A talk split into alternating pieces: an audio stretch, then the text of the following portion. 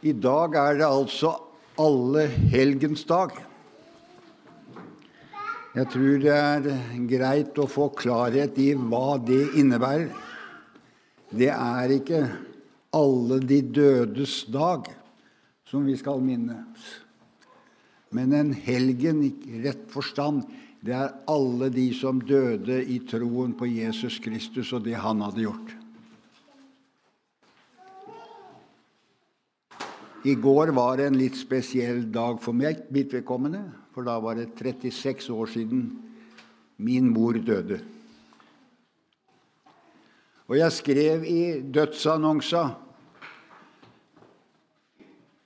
Tora Bergeneholm gikk Jeg skrev ikke at hun gikk inn døde, men jeg skrev hun gikk inn til livet med stor L. Det samme uttrykk brukte jeg da Reidun døde for halvannet år siden. Gikk inn til livet. For de som dør i troen på Jesus Kristus, de har et håp om å møte det igjen, sammen med Jesus og alle de som døde i troen på hans liv og gjerning. Kjære Jesus. Vi takker deg for det at du gjorde det mulig for oss mennesker å møte deg i evigheten og alle de som har gått foran. Og vi skal møte oss i himmelen, på den nye himmel og den nye jord, hvor rettferdighet bor. Og så takker vi deg igjen fordi at eh, du sendte ditt ord til Noregs fjell, og ljos over landet strømde. Hjelp oss som lever i dag, at dette ordet må bli holdt høyt i ære. At vi måtte være med og bringe det videre ut til nye generasjoner, og til de som ikke har hørt, som sitter i mørket uten håp og uten Gud som tror på avgudet, men ikke har fått høre evangeliet om Jesus Kristus. Kom du og vær til stede. Velsign ditt ord og velsign tilhørere, sånn at de må få noe av Åndens velsignelse over sitt hjerte. Amen. Det som kalles kirkeåret, det har etter den nye bibeloversettelsen en eh, tekst for denne dagen som ikke jeg har valgt, men jeg har valgt en, en av de gamle, eh, gamle, gamle tekstrekkene. Og jeg syns det passer så fint på denne dagen, alle helgens søndag. Og vi skal lese én av de tekstene. Den, i, den første står i Johannes 21, 1-7, og den andre står i Johannes 22, 1-7. Vi skal lese Johannes 21, 1-7. Og jeg så en ny himmel og en ny jord, for den første himmel og den første jord var veket bort, og havet er ikke mer. Og jeg så den hellige stad, det nye Jerusalem, stige ned ut av himmelen fra Guds fra Gud, gjort i stand som en brud som er pyntet for sin brudgom. Fra tronen hørte jeg en høy røst som sa:" Se, Guds bolig er hos menneskene. Han skal bo hos dem, og de skal være hans folk. Og Gud selv skal være hos dem og være deres Gud. Han skal tørke bort hver tåre fra deres øyne og døden skal ikke være mer. Og ikke sorg og ikke skrik og ikke pine skal være mer. For de første ting er veket bort. Og han som satt på tronen, sa, Se, jeg gjør alle ting nye. Og han sier til meg, Skriv, for disse ord er troverdige og sanne. Så sa han til meg, Det er skjedd. Jeg er alfa og omega, begynnelsen og enden. Jeg vil gi den tørste å drikke av livets vannkilde uforskyldt. Den som seirer, skal arve alle ting. Jeg vil være hans Gud, og han skal være min sønn. Vi leser neste vers også. Men de feige og vantro og vanhellige og morderne og horkarlene og trollmennene og avgudsdyrkerne og alle løgnerne, deres del skal være i sjøen som brenner med ild og svovel. Det er den annen død.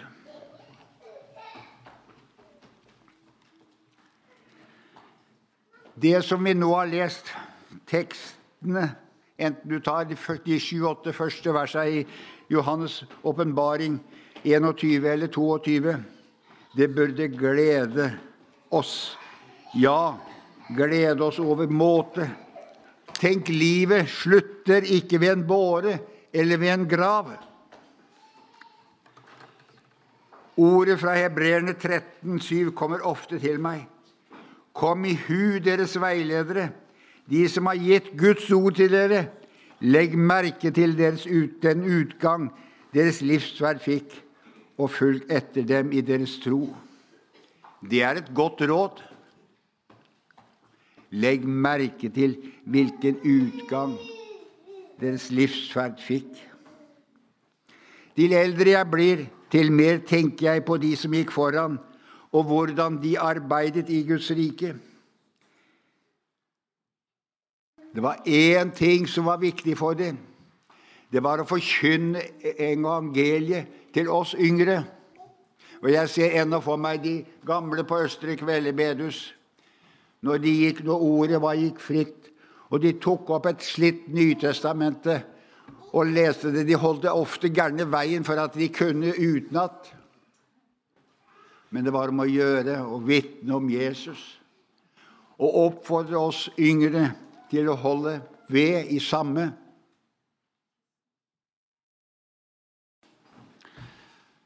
En blir noe mismodig av og til når en ser og hører og leser det som står i kristelige blader og aviser, det være seg kirkelige og kirkelige organer. Og da må jeg si tro ikke alt som skrives. Og apostelen Paulus han sier til sin unge venn Det var ikke noe enkelt å være en Timoteus i den tid han levde. Men han oppfordrer han, gi akt på deg selv og på læren. Det er et ord til meg og til deg. Se etter at det er overensstemmelse med det du lærer, det du hører, med det som er korrektivet som står i denne boka her. Og Jeg ser for meg de gamle når de samles til høstens ledermøte på Nanset bedehus. Ordet blir gitt fritt etter en god og grundig bibeltime av en taler utsendt fra hovedkontoret. Så måtte vi unge passe vår tunge så ens ord og uttrykk ikke levd et snev av denne verdens tanker om Gud og om det skapte. For også for 50, 60, 70 år siden så var denne verdens tanker på full fart inn i de unge sinn. Og jeg tenker på samtalen, konfirmasjonen, som Peter måtte igjennom. På tampen av livet til, jordiske livet til Jesus så tar han Peter for seg, og så sier han, 'Vokt mine får'. Vokt mine får. Men kanskje mest, vokt deg selv for denne verdens visdom. Det gjør ingenting om ungene springer. Det er bare tegn på at det er liv, det. Jeg skal overdøve det. Ikke bekymre dere for om at det er litt barnelatter i bedehusforsamlingen. Det går, det går helt fint for meg. Men når jeg tenker tilbake, så tenker jeg liksom jeg hører de gamles bekymringsfulle røst blandet opp med tro, håp og hjemlengsel. Når de stemte i biskop Låkes sang og at jeg vel var kommet hjem fra disse ørkens hytter, så var det med en sorgblandet glede glede over det håp som Jesus hadde tilveiebrakt, og som de klynga seg til. Men mest med noe bekymring for den oppvoksende slekt, vi som var unge. Hvordan ville det gå med dem i denne verden? Og de kjente seg igjen, og det kjenner vel du deg igjen i dag, hvor det står i det andre verset til denne sangen Kulden den vil i sjelen inn, giften i tydens vær og vind truer og røver meg livet. Det er tatt midt på kornet. Giften i tidens vær og vind truer og røver meg livet. Og du, hvor viktig det er at vi holder fast ved læren. Holder sammen om Guds ord. Kanskje mangler vi noe av denne spenning i dag. Kanskje vi mangler denne spenningen og dette spørsmålet Når jeg fram til himmelen? Peter han var ganske lik meg. Han var veldig kjekk, stor i ord. Men når det kom til kulinga, som vi sier, så blei han fort en annen.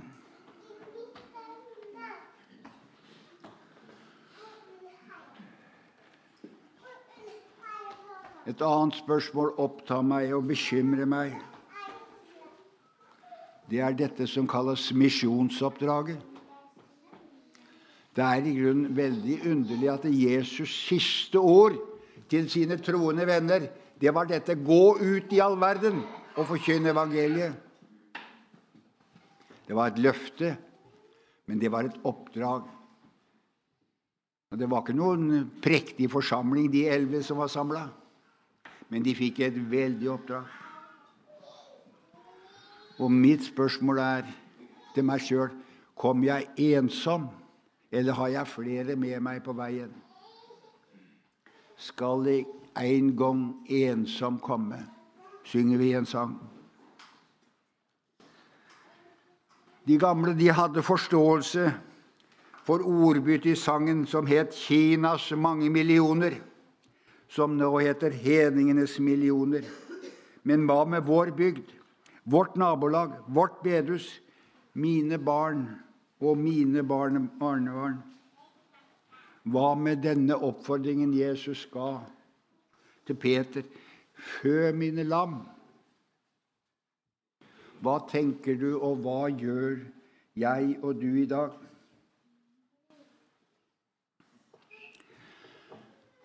Den smerten og den sorgen og bekymringen som biskop Låke gir uttrykk for i det fjerde verset. Var jeg dog over og mine med, og alle Guds venner til sammen, var vi dog innen landets led, å, hvor glad jeg skulle være. Da jeg evig frelst og fri, møye og kamp er da forbi, det er ei annet enn glede.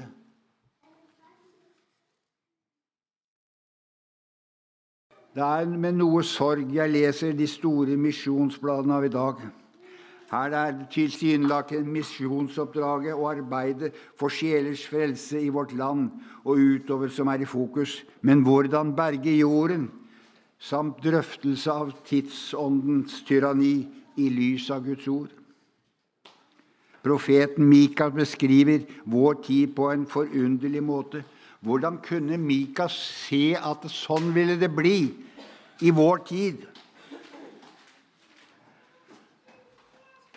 Han sier det slik Det finnes ikke en ærlig mann blant menneskene. Og i det femte verset skriver han med begge hender arbeider de på å få det onde til å synes godt. Fyrsten krever, og dommeren er villig mot betaling. Og stormannen sier hva han ønsker, og slik vrir de det til. Det er ord til meg. Jeg vil tilpasse meg. Ikke få så mange skrubbsår fra annen verden.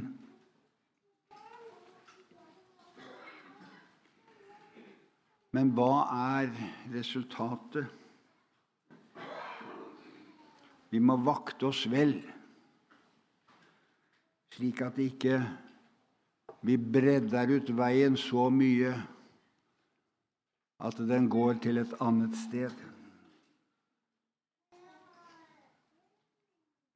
Og jeg må passe meg vel, og det må vi alle. For apostelen Paulus han skriver til sine venner i Korint, hvor han beskriver fortiden og mye av den svikt som da var, før han ender opp i vers 12 med en advarsel til meg og til deg. Den som tykker seg å stå, se til at han ikke faller.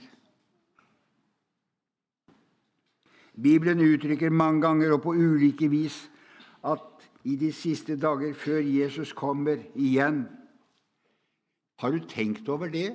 Jesus kommer igjen. For mange år siden så var det en gammel misjonsmann i vårt land. Han gikk hver kveld ut på tunet eller ut på verandaen, og så så han opp mot himmelen, og så spurte han høyt, 'Kommer du i natt, Jesus?' Kommer du i natt, Jesus? Han kommer en tid da vi ikke venter. Da kommer han igjen. Og da er det oppgjørets tid for alle. Og Bibelen gir uttrykk for det mens de alle sov. Sover jeg? Men Bibelen er ikke bare advarsler, men den gir også mange gode løfter til hans folk. Og jeg syns det er gledelig å lese hva som Lukas skriver. Men skulle da ikke Gud hjelpe sine utvalgte til deres rett, de som roper til Han dag og natt? Og er Han sen når det gjelder dem? Jeg sier dere, han skal skynde seg å hjelpe dem til deres rett. Vi, han er med oss alle dager. Det fins ikke grunn til mismot for den som på Kristus tror. Han vil være med hvis du vil være med han. Men det er en kamp. Og Jesus sier det. Er, jeg syns det er sorg i den, i den, setningen. Men når menneskesønnen kommer, må han da vil finne troen på jorden. Er det noe tro her hos meg? Og har jeg sådd denne troen til de andre?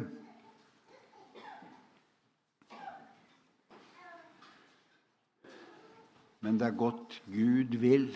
Han vil at alle mennesker skal bli frelst og komme til sannhetserkjennelse. Det står altså ikke på Gud, men det står på deg om du vil, enten du er ung eller gammel. Alt denne boka handler om, er at Gud har en tanke med deg. Tenk det. Har du tenkt latt den tanken gå innover deg? At Gud har en tanke med deg med ditt liv. Han har tenkt å lede deg og føre deg gjennom livet. Du skal gjøre hans gjerning, være hans stedfortreder, være hans sendebud, være hans lys. Du skal være jordens salt i denne skakkjørte verden. Han har ikke kalt deg til å redde kloden eller regnskogen i Brasil, eller villaksen i Drammenselva, eller torskeskammen i Skagerrak, eller blåveisen fra å bli utryddet. Jesus har sagt oss et ord om denne kloden. Legg den under dere. Bruk den. Hvis vi hadde merket oss hvilken iver, glede og forsiktighet våre forfedre la, og det tenker jeg ofte på Jeg ser for meg bestefar hvis han kunne få rydde én kvadratmeter mer til dyrka mark, da var dagen berget. Det gleda han seg over. Tenk! Men så var det noe som prega han også. Det var gudsfrykt og nøysomhet. Og Bibelen sier det. Det er en stor vinning. Hva preges dagens samfunn? Ingen gudsfrykt og ingen nøysomhet. Men i alt hva vi gjør, enten vi redder blåveisen eller villaksen, kjører eksosfritt eller er med på å skaffe vann, helse og skole til alle de som ikke har slikt, så er ikke det vårt hovedoppdrag. Hovedoppdraget vårt er å gå ut med evangeliet om Jesus, ut med innbydelsen om frelse, ja, ut med budskapet om at livet er ikke slutt ved gravkanten. Det er et gledens evangelium og ikke et sorgens budskap som Jesus ba oss å utbre, og det som står her. Det er et gledens evangelium. Det er derfor det heter evangeliet. Det er noe ganske annet enn en fin blomst, et vakkert dyr. Du er et menneske. Har du tenkt over det? Hva skiller deg fra alt annet av Gud skapte? Og når du ser ut omkring i verden, ikke minst når våren kommer, så undrer hun seg over hvilken fantasi, hvilken kreativitet. Men det er én ting som skiller deg fra alt andre. Du er et evighetsvesen. For du har en sjel som Gud har pustet livets ånd i. Du skal leve evig. Det skiller mennesket fra alle andre, alle andre skapninger. Du er et evighetsvesen. Du, det som er unnfanget, vil han skal leve til evig tid. Uansett om det kun får bare noen timer i mors liv, eller og, fødes og dør hundrevis av år senere. Selve livet vil leve evig. I Predikers bok står det skrevet alt har han gjort skjønt i sin tid. Også evigheten har han lagt ned i deres hjerte. Men således at mennesket ikke til fulle kan forstå det verk Gud har gjort fra begynnelsen til ende. Nei, vi forstår det ikke fullt ut. Men han har lagt evigheten ned i mitt hjerte og i ditt hjerte. Du er et evighetsvesen. I denne boka her den står på tre ben, om jeg kan få bruke det uttrykket. Den første forteller om at Gud har skapt alt synlig og usynlig. Det andre er at Gud har kalt oss til å ta imot Hans ord og bringe dette ordet videre ut til hele verden, at det er frelse. Og den har han selv tilveiebrakt for alle mennesker gjennom sin sønns død på Golgata og sin oppstandelse. Det tredje ben forteller om en evighet med en ny himmel og en ny jord som er forberedt for alle som her på jorden tok imot hans frelse. Den planen la Gud da du bare var et lite foster. Da så hans øyne deg. Spørsmålet er har du forkastet Hans ord, Hans gjerning? Bryr du deg ikke om det? Og det står ganske skarpt i slutten av denne boka, hvis du hadde lest hele Johannes' åpenbaring Den som fjerner noe, om så bare en tøddel, det kan føre til store konsekvenser for evigheten. For der Gud ikke får lov til å styre alt, der er det en annen som tar styringa. Og han har bare ett mål med ditt liv. Det er den evige fortapelse.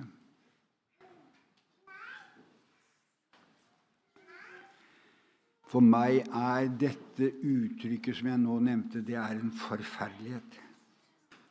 Evig fortapt.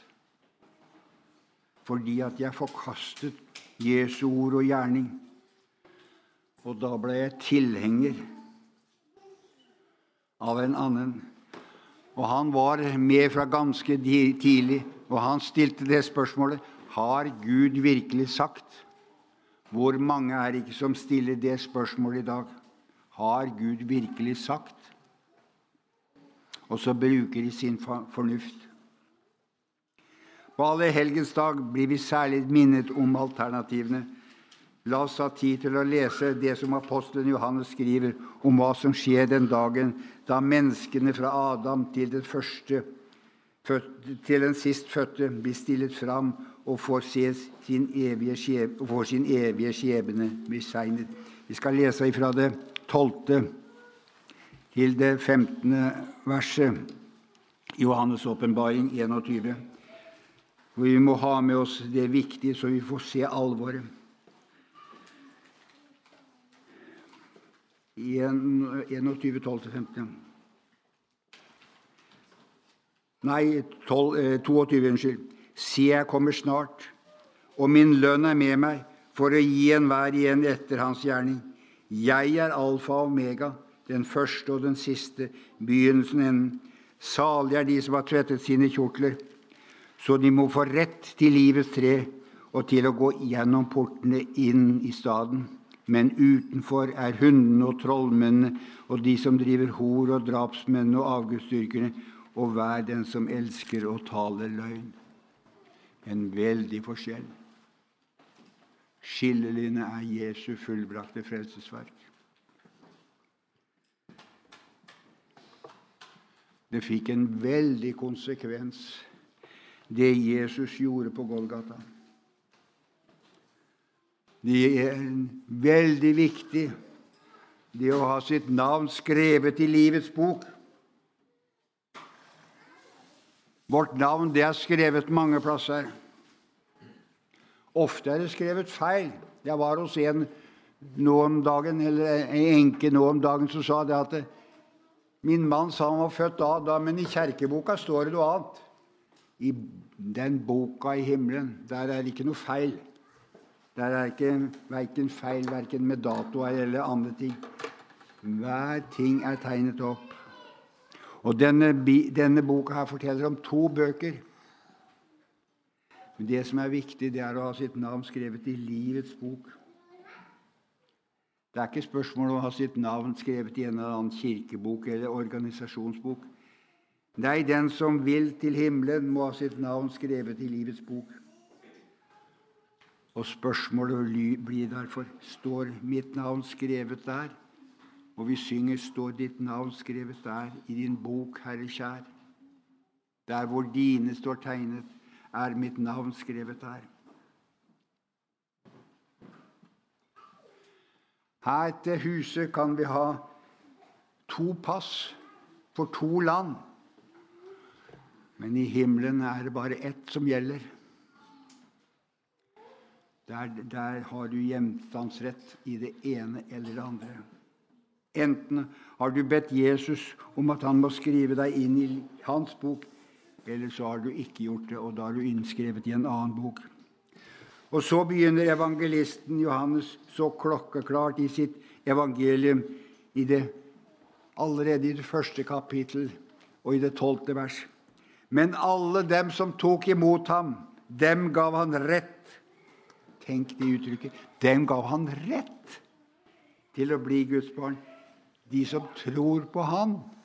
Ikke de som gjorde det eller hit eller var slik eller slik. Men han ga de rett, de som tror på det han gjorde. De som tror på hans navn.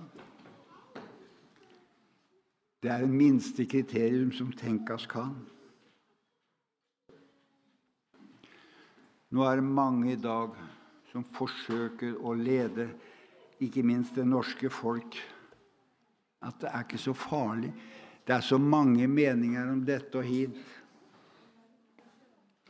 Men innerst inne så vet de, også du, og du forstår så inderlig godt, at du må omvende deg og tro på Jesus om du vil til himmelen. Du må ikke la deg narre av de som sier at det ikke er noe liv etter dette. Det er ingen fortapelse.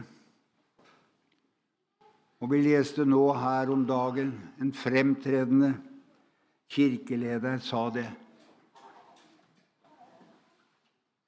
Alle blir frelst og kommer til himmelen. Og jeg må stille spørsmål hvor står det i Bibelen?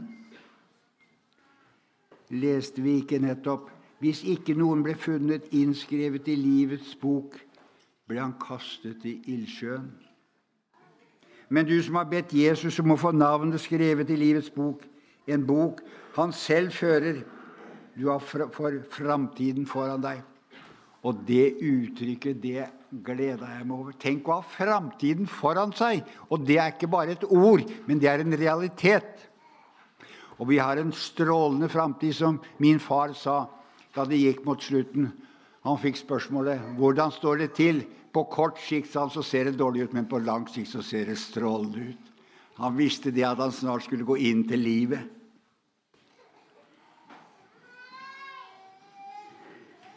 Den store skilnad den, fra denne jord, som Gud sa både den tredje og fjerde og den femte dagen, når han gikk ut og så. Det var såre godt. Men som nå er ødelagt av synden og oss syndere. Denne jord blir rullet sammen som et klesplagg, står det, og lagt vekk. Og det sto i det vi leste, at den ble ikke noe funnet noe sted igjen. Den blir vekk. For han skaper en ny himmel og en ny jord hvor rettferdighet bor. Og på den nye jord skal vi møte Jesus, og så skal vi møte alle de som har gått foran. Tenk det! Du skal møte de som har gått foran. Her på jord så er det ofte sånn at folk møtes, og vi troende vi sier vi møtes og skilles. Men den som er, tror på Jesus, han kan møtes og skilles, men med håp om å møtes for aldri å skilles igjen. Det betyr fordi at vi er et evighetsvesen, og vi skal møtes i himmelen. Og Jesus har gått foran, og han har sagt at 'jeg går foran for å berede dere et sted'. Og jeg ser for meg en gamle Anton Aasen på Østre Kvele bedehus sa det. Nå er det bare noen lister igjen, sånn, så er rommet mitt ferdig. Han hadde vært snekker, og han visste at når listene kom, da var rommet snart innflytningsklar. Og når vi leser hvordan apostelen Johannes der han sitter på Patmos og får et lite glimt inn bak forhenget og får se hvordan det er i den nye himmel, så har han liksom ikke ord til å beskrive det. Vi kan få et lite bilde av det skaperverk som er rundt omkring oss. Men det kommer til å bli noe fantastisk, det vi har i møte. Vi har ikke tankekraft nok til det. Det skal bli en ny himmel og en ny jord. Det skal ikke være sol og måne heller. Og Jeg husker for mange år siden jeg var i en, en eh, sang- og musikkveld i Raudeberg kjerke. Det er vel snart 50 år siden. Da sa taleren Det er en flokk fiskere her som sa at det som er minuset, sånn, syns vel dere det, sånn, det er ikke noe hav lenger. Dere som er vant til å fiske. Men det står om ei elv som renner klar som krystall. En jord uten sol og måne, uten natt og dag. Intet brusende eller altoppslukende hav. Tenk på alle de tusener som har mista sitt liv der. Og det står her Og havet ga tilbake. Og det som skiller andre, der høres ingen gråt eller ses noen tårer. Her skal ulven og lammet beite sammen. Her finnes ingen frykt, ingen sykdom, ingen død, ingen sult, intet savn, ingen atskillelse. Intet spørsmål om hvorfor. Hvor ofte har vi ikke det stilt oss det spørsmålet? Hvorfor hente det? Hvorfor hente det han eller henne, eller hvorfor hente det meg? Nei. Det, det er så forandra, det er så annerledes, at vi må bare takke og glede oss over det.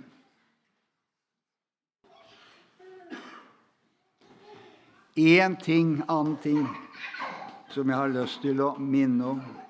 Det er en ting som Johannes Han vet ikke hvordan han skal beskrive det, hva han så og hørte. Det blir en sang og en musikk så mange tusen vanner brusen. Og de som er kommet fram, de skal synge en ny sang. En lov- og takkesang for Gud og Jesus. Og da skal vi synge med en fullkommen stamme. også om vi som ikke hadde noen sangstemme her på jord. Og hvilken musikk! Jesus sier til sine venner når mismotet siger innover dem, om å løfte blikket og se framover og oppover. Og Vi skal lese litt av Jesu eget ord, som et uttrykk i Lukas i det sjette kapittel og 22. og 23. verset. Lukas 6, 22, 23. Gled dere på den dagen og spring av fryd. For se, stor er den lønn dere har i himmelen. Det er Jesus ord. Gled dere og spring av fryd. Du ser de her små barna som springer her. Det er glede som gir uttrykk for det. Det er derfor de springer. For vel 100 år siden så reiste det en ung predikant i Vestfold og Telemark.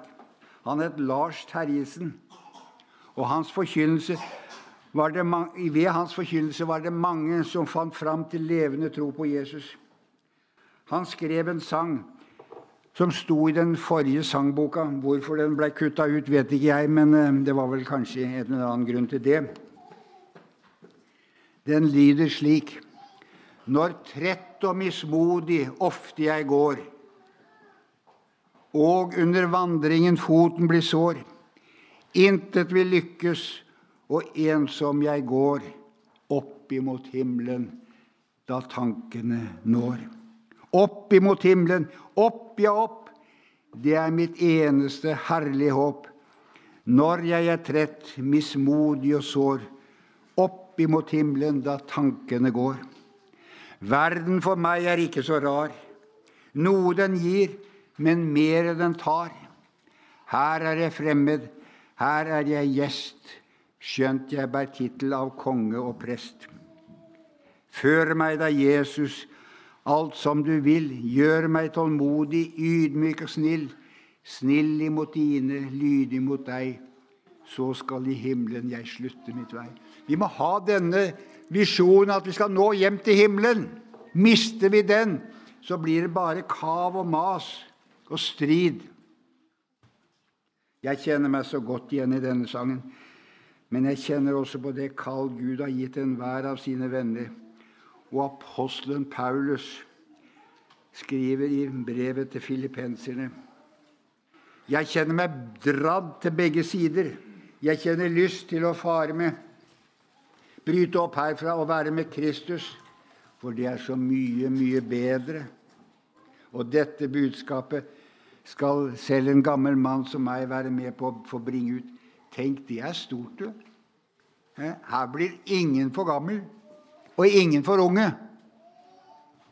Og det var det Paulus sa til Timoteus. La ingen forakte deg for din ungdoms skyld, men vær et forbilde.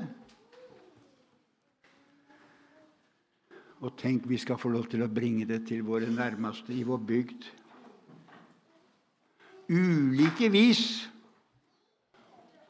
og ulike forutsetninger. Men det er hovedsiktet. Budskapet er viktig. Ja, det er viktigere enn alt annet. Fordi at bak død og grav venter en evighet.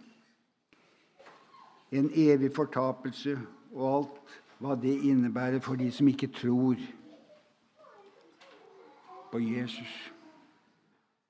For alle er en evighetsvesener.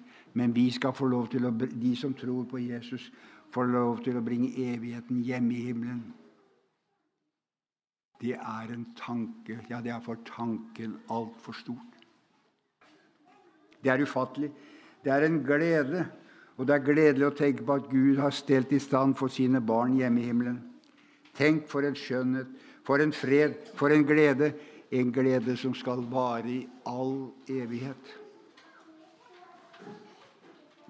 Nå må jeg erkjenne at det er mange ting jeg gleder meg også over her på jorden. Over barn og barnebarn og hel flokk med oldebarn. Og sågar Jeg har fortsatt et hjem og jeg gleder meg hver gang jeg kan gå inn der. Men i himmelen er det én ting som jeg også gleder meg til å se, som ikke er Jeg har noen fast eh, eh Liksom eh, eh, konkret. Men som jeg har sett fra jeg var liten gutt. Bilder av. Og det fins i mange hjem og på mange bedehus. Engler. Engler. Tenk, har du tenkt over det at du skal møte engler? Og Jesus snakker om det. Han snakker om en legi, mer enn tolv legioner.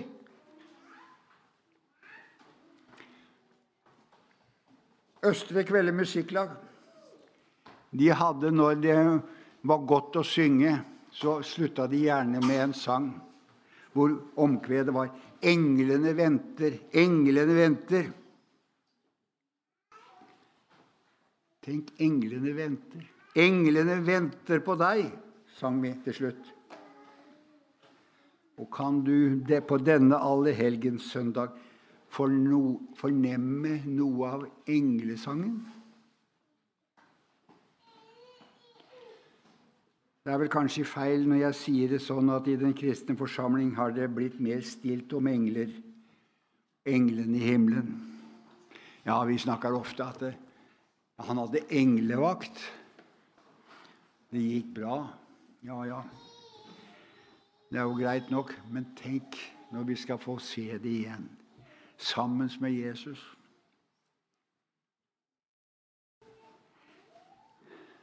Jeg tror det har vært jubel i himmelen før, når englene har klappet i hendene. Jeg har sagt det før at jeg tror det var to, to ganger før. Ja, første gangen var da Gud, Jesus, sa ja, kjære far, av hjertens grunn, la komme kun den bitre stund jeg dødens kalk vil drikke som Paul Gerhard skriver om i sangen, da det var spørsmål om Jesus ville påta seg det å dø i mitt sted. Og den andre gangen var i Getsemane, da Jesus falt på kne og ba. Far, er det mulig? La denne kalk gå meg forbi. Men da han avsluttet Dog ikke som jeg vil, men som du vil. Da tror jeg englene klappa i himmelen. Så barnslig er jeg. Tenk hvis han ikke hadde sagt dette. Da hadde de ikke vært samla i dag. Da hadde det ikke vært nødvendig å ha noe barnedåp. Nå skal vi få lov til å glede oss, for nå skal vi være med på å se et lite barn bli ført inn i en bok. Men det blir også ført inn i himmelens bok. Jesus fører det inn. Det er stort å tenke på. Vi må ha den visjonen. For vi er evighetsvesener, og vi går til paradisiske tilstander i himmelen når Han skal gjenopprette en ny himmel og det nye jord.